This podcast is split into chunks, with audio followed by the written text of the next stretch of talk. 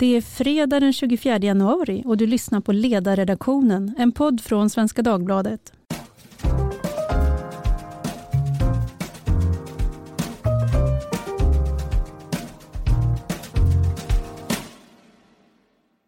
Jag heter Tove Livendal och idag ska vi prata om balansen mellan utveckling och skydd. Sexuella preferenser och sexuell läggning, droganvändning och geografisk position är uppgifter som genom de appar vi använder sprids vidare till kommersiella aktörer. En mobiltelefons appar kan dela informationen vidare flera tusentals gånger per dag enligt den norska konsumentorganisationen Forbrukerrådet som anmält flera företag för brott mot den europeiska dataskyddsförordningen till den norska dataskyddsmyndigheten, berättade Sveriges Radio häromdagen. Så du är dina appar och dina appar visar för andra vem du är. I de här tiderna av digital utveckling är det enkelt att lämna ifrån sig uppgifter, men har vi tänkt på konsekvenserna? Och om individerna i ett samhälle gör sig sårbara genom att dela med sig privat information, hur påverkas då säkerheten för företag, organisationer eller nationer? En pikant nyhet bara den här veckan har handlat om sådana nyheter. Expressen berättar om grundaren av Amazon, Jeff Bezos, som bytte telefonnummer med Saudiarabiens kronprins Mohammed bin Salman och skapade en kontaktväg via WhatsApp. Några veckor efter mötet fick Bezos en film av bin Salman med en bild på den saudiska och svenska flaggan. Senare i samma år, oktober 2018, då mördades som bekant den saudiska journalisten Jamal Khashoggi som bland annat skrev kolumner för den amerikanska tidningen Washington Post. Spåren ledde till den saudiske kronprinsen och tidningen som Bezos äger rapporterade intensivt bin Salman hörde av sig igen, den här gången med en bild på Bezos hemliga älskarinna och med texten att argumentera med en kvinna är som att läsa ett mjukvaruavtal. Till slut struntar man i allt och klickar på ”Jag godkänner”. Så hur skyddar man individens integritet och nationens säkerhet utan att bygga sådana murar som förhindrar de innovationer och den utveckling vi vill ha? Det ska vi resonera om idag tillsammans med Rickard Henriksson som har arbetat med cyber och informationssäkerhet under många år inom MUST och därefter också under mer än tio år vid UD. Välkommen! Tack! Välkommen säger vi också till Karl Allestedt som eh, är på Näringslivets säkerhetsdelegation och är ansvarig för säkerhetsfrågor vid Svenskt Näringsliv. Tack! Och här har vi också Niklas Berg Lundblad som är chef för globala samhällsstudier på Google. Välkommen! Tack! Rickard, igår morse berättade Ekot att Försvarsmaktens anställda fritt kan använda alla appar på sina mobiltelefoner, vilket potentiellt skulle kunna innebära en sårbarhetsexponering. Till exempel så visar ju datingappen Tinder avståndet mellan två användare, så det går att ta reda på var mobilanvändaren befinner sig. Och 2018 kunde faktiskt eh, kollat i arkiven här, fick tips av min kollega Ivar Arpi, men då kunde SvD avslöja att värmekartor från en träningsapp visar hur personen rör sig och runt om svenska militära anläggningar. Och då sa Wilhelm Agrell som är professor i underrättelseanalys att det finns ingen möjlighet att främmande makt inte har utnyttjat det här. Många av de här apparna de ägs eller är utvecklade av kinesiska eller ryska bolag. Det är stater som vi ur flera säkerhets och försvarsmässiga perspektiv tycker är problematiska. Och försvaret de säger att de utbildar sin personal att tänka efter före och att undvika användandet av appar som på något sätt då kan utgöra säkerhetsrisker. Räcker det? Det är svårt att begränsa den här frågan just till eh, Försvarsmakten naturligtvis. Ehm, de är ju ofta ett tacksamt mål att diskutera utifrån eh, med de kraven de har på säkerhetsskydd och så vidare. Ehm, men ehm, jag tror att det finns nog inget enhetligt eller enkelt svar på den här frågan. Ehm, men jag tror det närmaste vi kan komma är väl nej. Ehm, vilket väl är förutsättningen att vi diskuterar det idag. Ehm, det här gäller ju inte enbart eller positioneringsfrågor. Det är ytterligare en markeringsfråga. Vi som du säger, vi är våra appar idag. Vi delar med oss medvetet eller omedvetet av väldigt mycket information och ehm, jag tror vi ska komma ihåg också att det är ju till stor del grunden för att vi använder, eh, eller till att vi använder apparna. Det är just att vi vill dela information. Men det är också uppenbart att mycket av den här informationen, både vad gäller tjänsteinformation och privat information kan eh, ett uppenbart leda både till olägenhet och risk för person och organisation om den skulle eh, komma i fel händer på något sätt. Mm. Um, jag tror också i synnerhet eh, om diskussionen eh, rör sig runt vad som antyds här, främmande underrättelse och säkerhetstjänster. Ehm, men det här är någonting som varje verksamhet måste ta ställning eh, till utifrån sina egna förutsättningar. Idag. Jag tror, för att återvända just till Försvarsmakten, så är vi en organisation som är van vid att göra det här och som kanske är den bäst lämpade att göra det överhuvudtaget. Mm. Du skrev ju säkerhetsrådet här i veckan om vad som krävs för att bibehålla kontroll och autonomi när cyberarenan blir liksom central för konflikt och maktutövning. Vad tycker du är, vad är det som krävs och hur väl skulle du säga att Sverige är rustat? Alltså de förändringar vi står inför idag med eh, informationssamhället och eh, som kanske främst föranstaltas av eh, utbyggnaden av eh, 5G-tekniken är så, så långt mycket större än vad jag tror vi gemensamt kan se överhuvudtaget. Eh, jag tror att vi behöver till, eh, tillägna oss ett helt nytt synsätt på de här frågorna. Och först och främst så tror jag att vi behöver göra oss en tjänst som samhälle att sluta se det här som isolerade IT-frågor överhuvudtaget. Det är lätt att hänskjuta det här till eh, teknikfrågor men idag är den här tekniken vi pratar om så grundläggande för hela samhällets funktion. Ehm, jag tror att vi har inga möjligheter i princip att gå in i det som blir det riktiga informationssamhället utan att eh, på allvar anpassa vår lagstiftning utifrån de helt nya förutsättningar som kommer att gälla för oss. Vi behöver eh, tillägna oss ett arbetssätt där vi som samhälle kan eh, agera aktivt och styra utvecklingen. Istället för som idag enbart agera på reaktivt på vad som händer i teknikutvecklingen. Eh, vi behöver på ett mycket, mycket tydligare sätt än eh, vad vi gör idag kunna definiera för oss själva vad som utgör skyddsvärden och hur vi ska skydda det, det hela. Och jag tror hela resonemanget måste utgå ifrån att informationshantering idag i samhället är en kärnverksamhet för alla aktörer. Och då behöver resonemanget kring cyber och informationssäkerhet följa med i det resonemanget också. Ja, alla är ju på något sätt parter i målet i de här frågorna som du är inne på. Vi har, ett, ett intresse, vi har många intressen här, både av att naturligtvis vi ska kunna utveckla allt som följer med den nya tekniken. Det finns ju många företag, däribland Google som Niklas finns på, eh, som tjänar stora summor på att utveckla tjänster som verkligen gör oss rikare på väldigt många sätt och gladare och eh, som gör våra liv bättre. Men som med all verksamhet så kommer ju politiken då att också komma springande med lagstiftning och reglering om det uppstår för mycket problem. Så att det finns ett intresse då hos företagen att det finns en självreglering så att man inte landa med, med politisk reglering som man upplever att det inte blir så bra. Karl, du som finns på Svenskt Näringsliv, vad skulle du säga, vad finns liksom akilleshälarna då, eller de stora målkonflikterna? Det här är ju en väldigt stor fråga, eh, men jag tror en, en sak, det handlar ju om att i och med att det här problemet ökar så ökar ju medvetenheten om problemet och också även intresset för säkra lösningar. Eh, så att någonstans kommer ju marknaden hänga med av sig själv till viss utsträckning. Eh, sen är det ju också så att när det gäller vissa typer av hot, framförallt om det är liksom av karaktär nationell säkerhet, det är ju ingenting individuella konsumenter eller företag mäktar med och då är det klart att då har ju staten en roll där. Eh, och sen blir det här en avvägning då huruvida man ska reglera eller då tvinga företag att vidta vissa åtgärder. Eh, och det är ju rimligt kanske att företag vidtar åtgärder för att skydda sin egen säkerhet och sina kunders säkerhet. Men just de här nationella säkerhetskraven, då, då krävs det nog att, att man får stöd eh, från staten. För det är ju ändå staten som har det övergripande ansvaret när det gäller säkerhet i samhället. Men jag tror också en annan viktig faktor att förstå här det är också om vi tittar till exempel på anställda inom då Försvarsmakten som nämndes. De använder då vissa appar på på telefoner. En sak är att en arbetsgivare eller statligt anställda liksom, eller, offent, eller inom det privata då kan man säga okej okay, er tjänstetelefon kan ni använda på ett visst sätt. Men det här gäller ju också vilken tv-apparat eller spelkonsol har du hemma eller vilken privat mobil och till vilken utsträckning ska man kunna då begränsa individers möjlighet. Och, för, för jobbar du på en känslig position eller har kontakt med personer som kanske gör det, då, då blir ju det, du intressant utifrån övervakningsperspektiven då. ändå. Eh, så att de här frågorna blir väldigt stora och väldigt komplexa. Mm.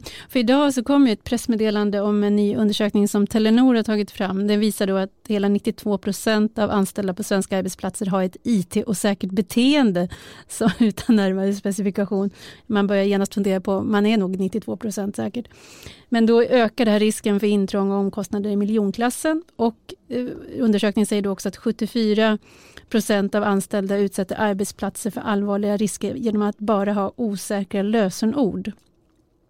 Och jag tänkte på det Karl, du var ju på Folk och Försvars rikskonferens i Sälen nyligen och då talade du om företagens roll i totalförsvaret, om vi håller kvar vid det här försvars, försvarsperspektivet.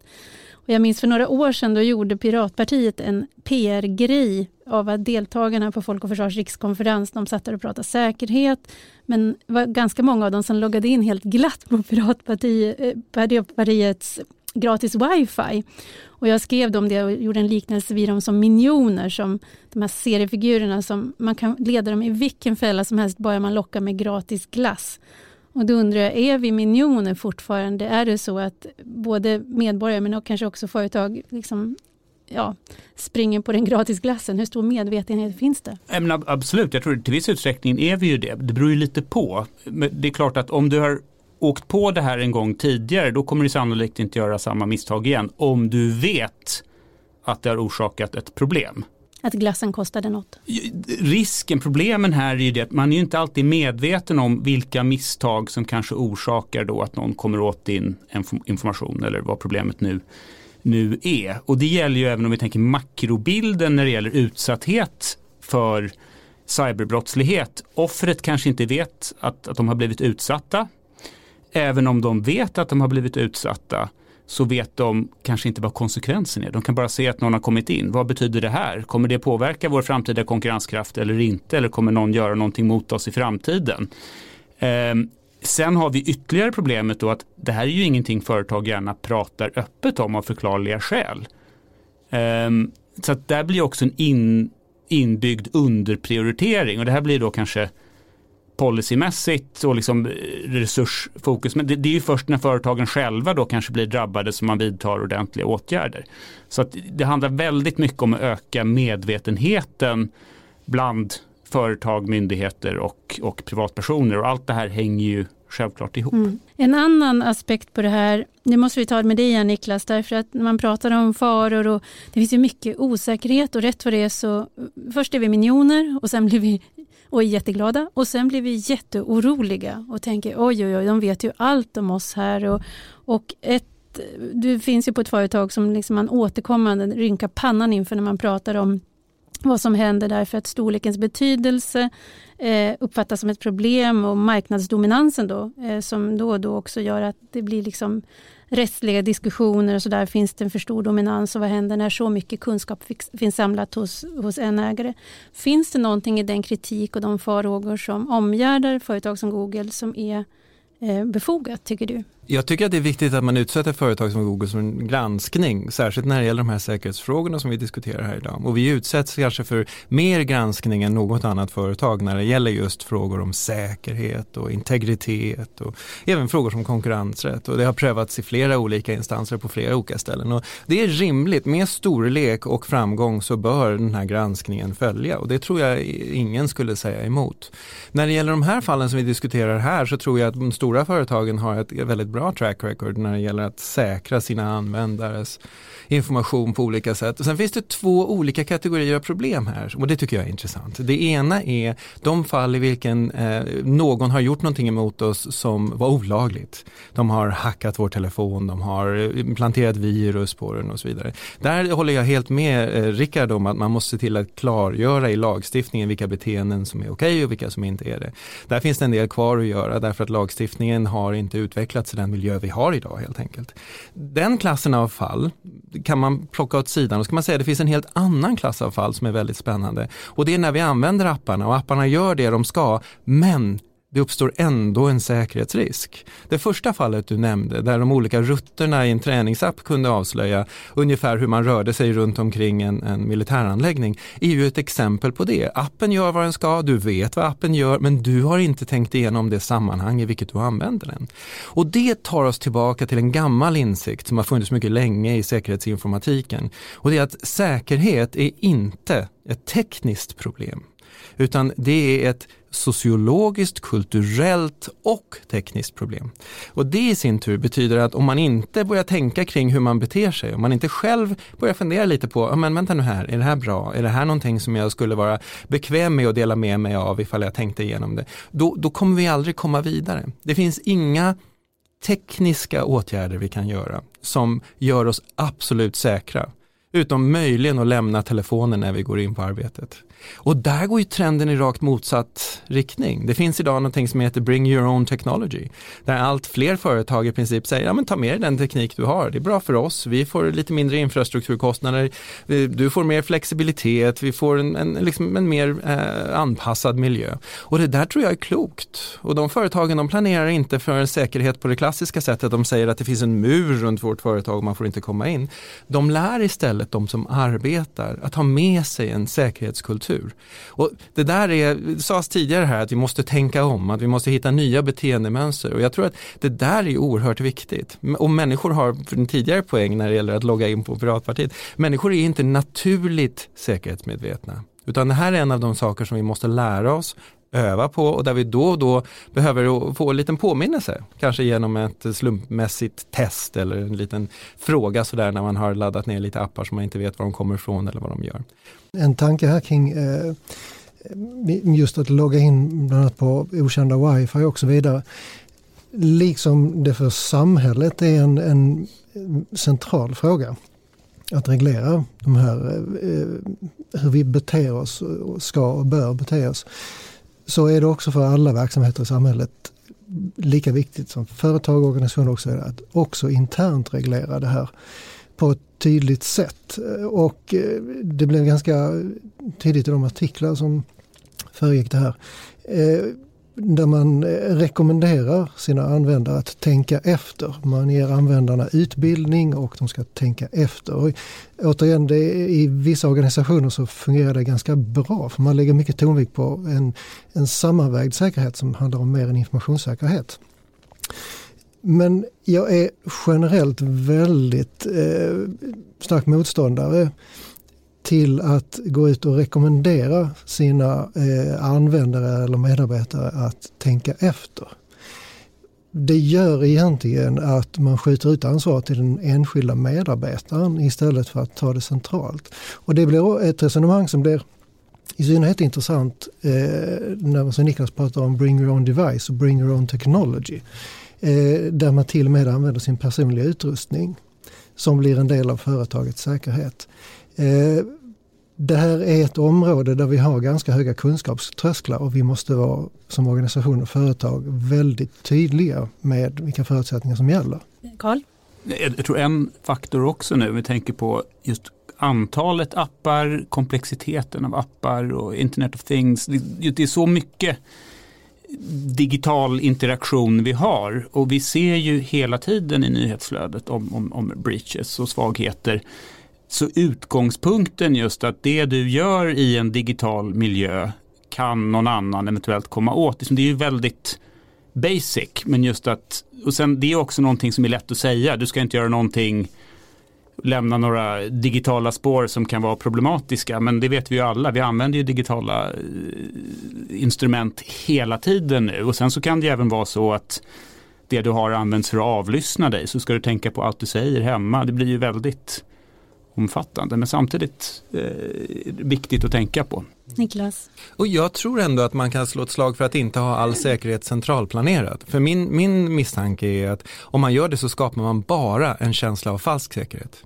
Det är därför som det här tänka efter egentligen inte är ett dåligt råd. För att man kan ju man kan hårdra det och säga att man ska inte lämpa över allt ansvaret på individen och det håller jag med om, det tror jag är oklokt. Och, och, och det är ju helt riktigt. Men jag tror också att ge individen intrycket att säkerheten är centralt hanterad och du kan göra vad du vill och du behöver inte under några som helst omständigheter uppmärksamma ditt eget beteende. Det kommer inte att fungera, särskilt inte i en så heterogen miljö som dagens informationsteknikmiljö är.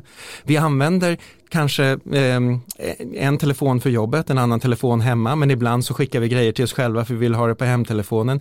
Beteendena är så komplexa och sammanvävda att det finns ingen centralplaneringslösning som fungerar man ska inte abdikera ansvar och det gör ju ingen av de stora företagen heller. Vi granskar och skannar alla våra appar, vi tar ner hur många appar som helst som är på olika sätt inte uppfyller de krav som vi har eller har säkerhetsbrister eller inte gör det de säger sig göra.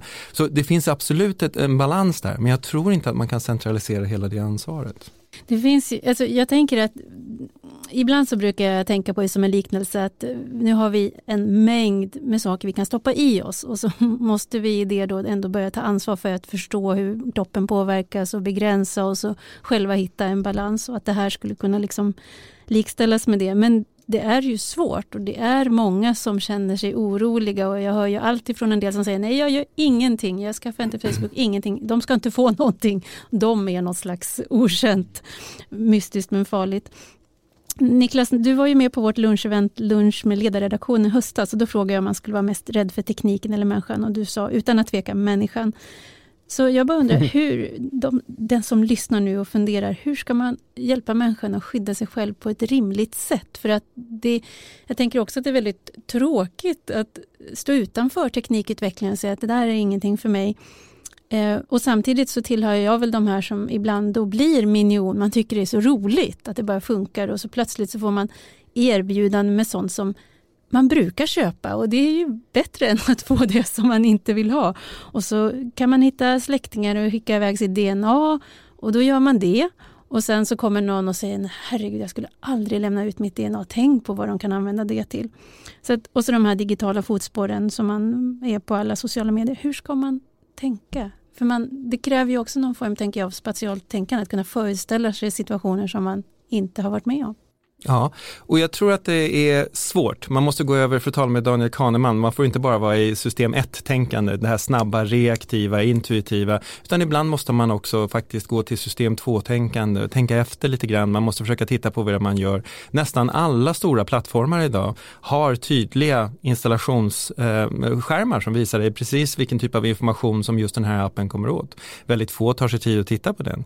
Men det är faktiskt värt att stanna till och titta på den ibland. Sen finns det också säkerhetstest på nätet som nästan alla stora plattformar erbjuder. Man kan gå igenom och så kan man titta, har jag gjort de här sakerna? Har jag sett till att ändra mitt lösenord tillräckligt ofta? Har jag faktiskt, eh, till exempel i det fall du har e-post och vill ha den lite mer säker, använder jag two-factor, det finns något som heter två olika saker, en sak du har, en sak du kan. Och, och där tror jag att det finns, det finns flera sådana saker man kan göra och tyvärr så finns det kvar ett personligt ansvar, vilket var skälet till att jag svarade som jag gjorde också. Jag sa att man ska vara mest rädd för människan, för det är också till människan man måste sätta mest lit. Det är människan som någonstans är central. Vi kan inte, jag tror aldrig vi kommer att ha tekniska lösningar som befriar människan från ansvar. Och ju mer komplex tekniken blir, desto mindre sannolikt blir det att vi kan bygga in säkerheten på något sätt i tekniken. Och, och därför så tror jag faktiskt att det handlar om det. Och det, vi har ju till exempel en, en, en nyckelåtgärd där, det börjar tidigt. Så de flesta stora företag och vi också går in eh, och pratar med skolklasser och försöker lära dem ett grundläggande förhållningssätt. Och de uppväxande generationerna idag har bra mycket bättre koll på det här när det gäller vad man kan dela, vad man ska anta om det man delar och hur, vem det är tillgängligt för och hur man sprider och hur man tar bort information från nätet. De har en helt annan förhållnings, eh, helt annat förhållningssätt till det som jag tycker är mycket fascinerande att studera. Så i det här läget kanske det är bra om man då är som du och jag, sätta sig ner med sina barn och lyssna lite, hur gör ni? Och försöka förstå hur de hantera de här frågorna för de är faktiskt ofta väldigt kunniga.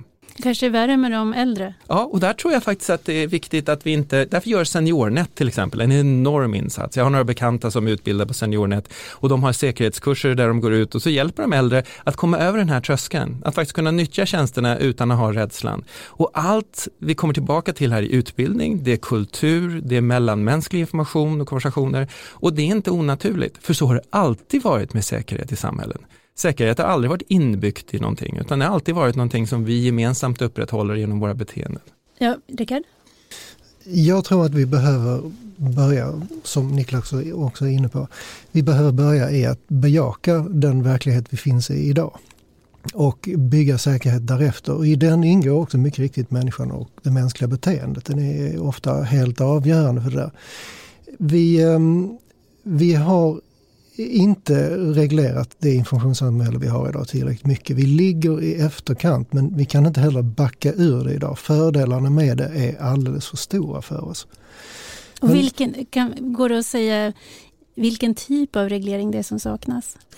Det där eh, är, kommer att vara helt och hållet beroende på vilken typ av verksamhet eh, som vi bedriver egentligen. Eh, vad som är, är, skulle jag vilja säga, kanske mest signifikant för det här informationssamhället, det är de starka samberoende som uppkommer mellan organisationer och verksamheter i olika delar av, av samhället. Både vad det gäller funktionalitet och säkerhet. Vi, eh, I allt högre utsträckning utnyttjar vi varandras system, vi delar information och hela vår samhällsfunktion bygger idag på att vi kan göra det där. Saker och ting fungerar, de fungerar i tid.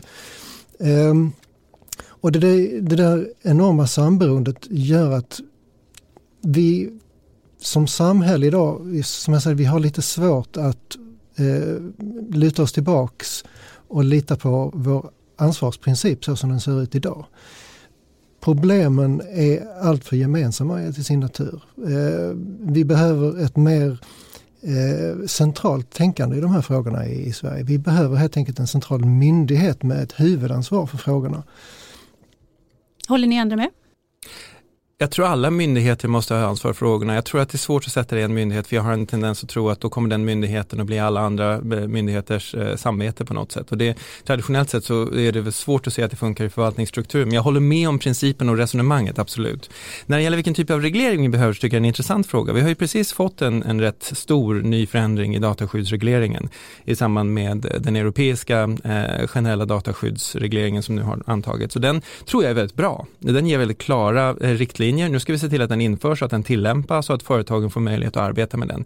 Det kommer att ta ett litet tag och vi kommer att ha hjälp av dataskyddsmyndigheterna som, som gör väldigt mycket arbete runt detta. Sen tror jag vi också måste titta på den rent straffrättsliga regleringen här och försöka förstå vad det innebär att till exempel eh, dela data eh, med främmande makt, vad det betyder att man på olika sätt samlar in data som man, inte, eh, man egentligen inte har att göra med. Och eh, utöver det så finns det faktiskt ett tredje problem som är intressant och olöst och det är att tittar vi på hur en informationsoperation idag mellan länder ska tolkas så är inte det entydigt. Vi vet ungefär vad som händer om man gör ett intrång på en annan nations territorium. Det finns regler och det finns fördrag och det finns lite alla möjliga så internationella rättsliga regler kring detta. Men om man med någon viss given sannolikhet kan spåra en informationsoperation till främmande makt så är det oerhört otydligt. Pentagon arbetar med nya riktlinjer där. Jag vet inte, jag är faktiskt inte införstådd med vad det svenska försvarsdepartementet gör. Men här behöver vi en klar och tydlig internationell gemensam förståelse för vilka gränser vi drar för användningen av informationsteknik eh, på, på det, det så att säga den femte arenan, denna nya, nya scen. Carl. Nej, och just när det gäller det här då, om det är stater som antingen inte vidtar tillräckligt med åtgärder för att förhindra kriminella operationer eller stater som till och med då själva eller med hjälp av andra då bedriver eh, operationer, då känns det ju som ett, någonting, det är väldigt svårt att försvara sig mot vissa typer av, av angrepp. Så att avskräckning är ju då någonting att fundera på. och hur kan man då åstadkomma det här? Om vi tänker då Sverige, vi är en medlem av EU och det finns många likasinnade stater om vi tänker USA, Japan och OECD-länderna rent, rent allmänt. Att om man då utvecklar förmågan, dels det här med attribution och kunna se var saker och ting kommer ifrån. Eh, bara det är ju, avskräckande men också om, om, om, man är medveten om att det kanske är då ekonomiska eller diplomatiska konsekvenser för de staterna som då tillåter eller driver sån här eh, verksamhet. Och där känns det som att vi, vi, vi kan, kan göra mer än vad vi har gjort. Mm. Um, sen tror jag att det, det, är ju ett problem rent allmänt när det gäller de här frågorna för utvecklingen går fort om vi tänker då, dels behöver man personer som förstår policyperspektivet, man behöver folk som förstår den breda teknikutvecklingen och de som förstår säkerhetsfrågorna. Så det, så det, det blir ju ett begränsat antal personer som egentligen har en vettig helhetsbild om, om någon ens har det. Mm. Jag hörde, eller resonerade i morse med en person om också de här, liksom, i, i den kulturella miljö i vilket allt detta sker och eh, två sådana spaningar som jag funderade på. Det ena var ju det som vi talade om den nordiska tilliten, att vi är tillitssamhällen och det kanske gör att vi ibland är lite sena med att tänka just eh, potentiellt sinistra tankar om andra, att andra skulle kunna vara ute, kan göra att reaktionen kommer lite långsammare. Att är det verkligen någon som kan använda det här på ett sånt här eh, försåtligt sätt? Och det andra är ju den svenska självbilden. Vi pratar hela tiden om att vi ligger i framkant. Att vi är liksom early adopters och det är hög teknikpenetration och, vi liksom är, och den självbilden kanske också gör att vi inte riktigt har bemödat om oss att göra läxan när det gäller säkerheten. Det är ju helg som är på gång här och vi brukar alltid avsluta fredagspoddarna med de obligatoriska fredagsfrågorna och nu fick vi bakläxa av en lyssnare som sa att ni ska inte ställa två frågor samtidigt för då kommer de som svarar bara att svara på den senaste frågan. Så nu får ni höra att det är två frågor. Det ena är vad ni ska göra i helgen och det andra är om ni har något tips att dela med er av. Det kanske är någon ny app som man borde utforska i helgen. Vad säger Rickard? Mm, vad jag ska göra i helgen? Eh, troligen titta ut genom fönstret och längta efter våren. Eh, det är väl det som är mest aktuellt. Eh, dela med mig av ett tips. Ja, jag ska eh, kanske rent av bryta mot allt vad vi har sagt här precis och eh, tipsa om en app eh, som jag själv har hittat för ett par år sedan som heter Minuta. Som är en form av anti-Instagram.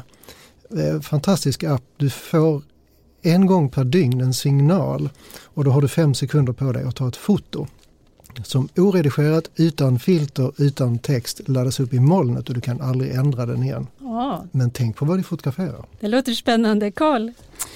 Ja, jag har en ung familjemedlem som kommer spela sin första hockeymatch. Mm. Så det är någonting att se fram emot. Och sen när det gäller tipset, då kommer jag tipsa om en podd som heter svenska, den svenska säkerhetspodden som kommer att lanseras inom kort. Och det är säkerhetsfrågor, svenskt näringsliv och det är jag som då intervjuar oh, olika gäster. Så då får man sitta under helgen nu och längta bara. Ja, eller hur, precis, man har något att se fram emot. Yes. Underbart. Niklas? Jag ska hälsa på Walter Wernberg, min nyfödda brorson eh, och eh, mm. välkomna honom till, till familjen. Eh, det ska bli väldigt roligt och mitt tips skulle vara att nu i veckan hade vi den internationella byt lösenordsdagen. Har inte gjort det, så gör det. Oj, ja, jag känner genast att jag ska ta det tipset på stort allvar. Eh, själv ska jag inleda helgen med en härlig kulturupplevelse. Jag har ju då som en liten sån sak att jag brukar ofta instagramma och berätta, men jag gör det efteråt. Jag har varit där, dels för att inte störa upplevelsen, men kanske finns någon form av säkerhetstänk där också. Ja. Så det jag ser fram emot, annars kommer jag nog också göra som Rickard, jag kommer att längta efter våren i helgen. Stort tack för att ni ville komma och resonera och vrida och vända på dessa viktiga frågor idag. Rickard Henriksson, Karl Allerstedt och Niklas Berg Lundblad. Och till er som lyssnade idag, ni kan gärna gå in och betygsätta podden så att fler kan hitta oss. Och frågor eller funderingar mejlar ni som vanligt till ledarsidan svd.se. Vi hörs igen på måndag. Trevlig helg!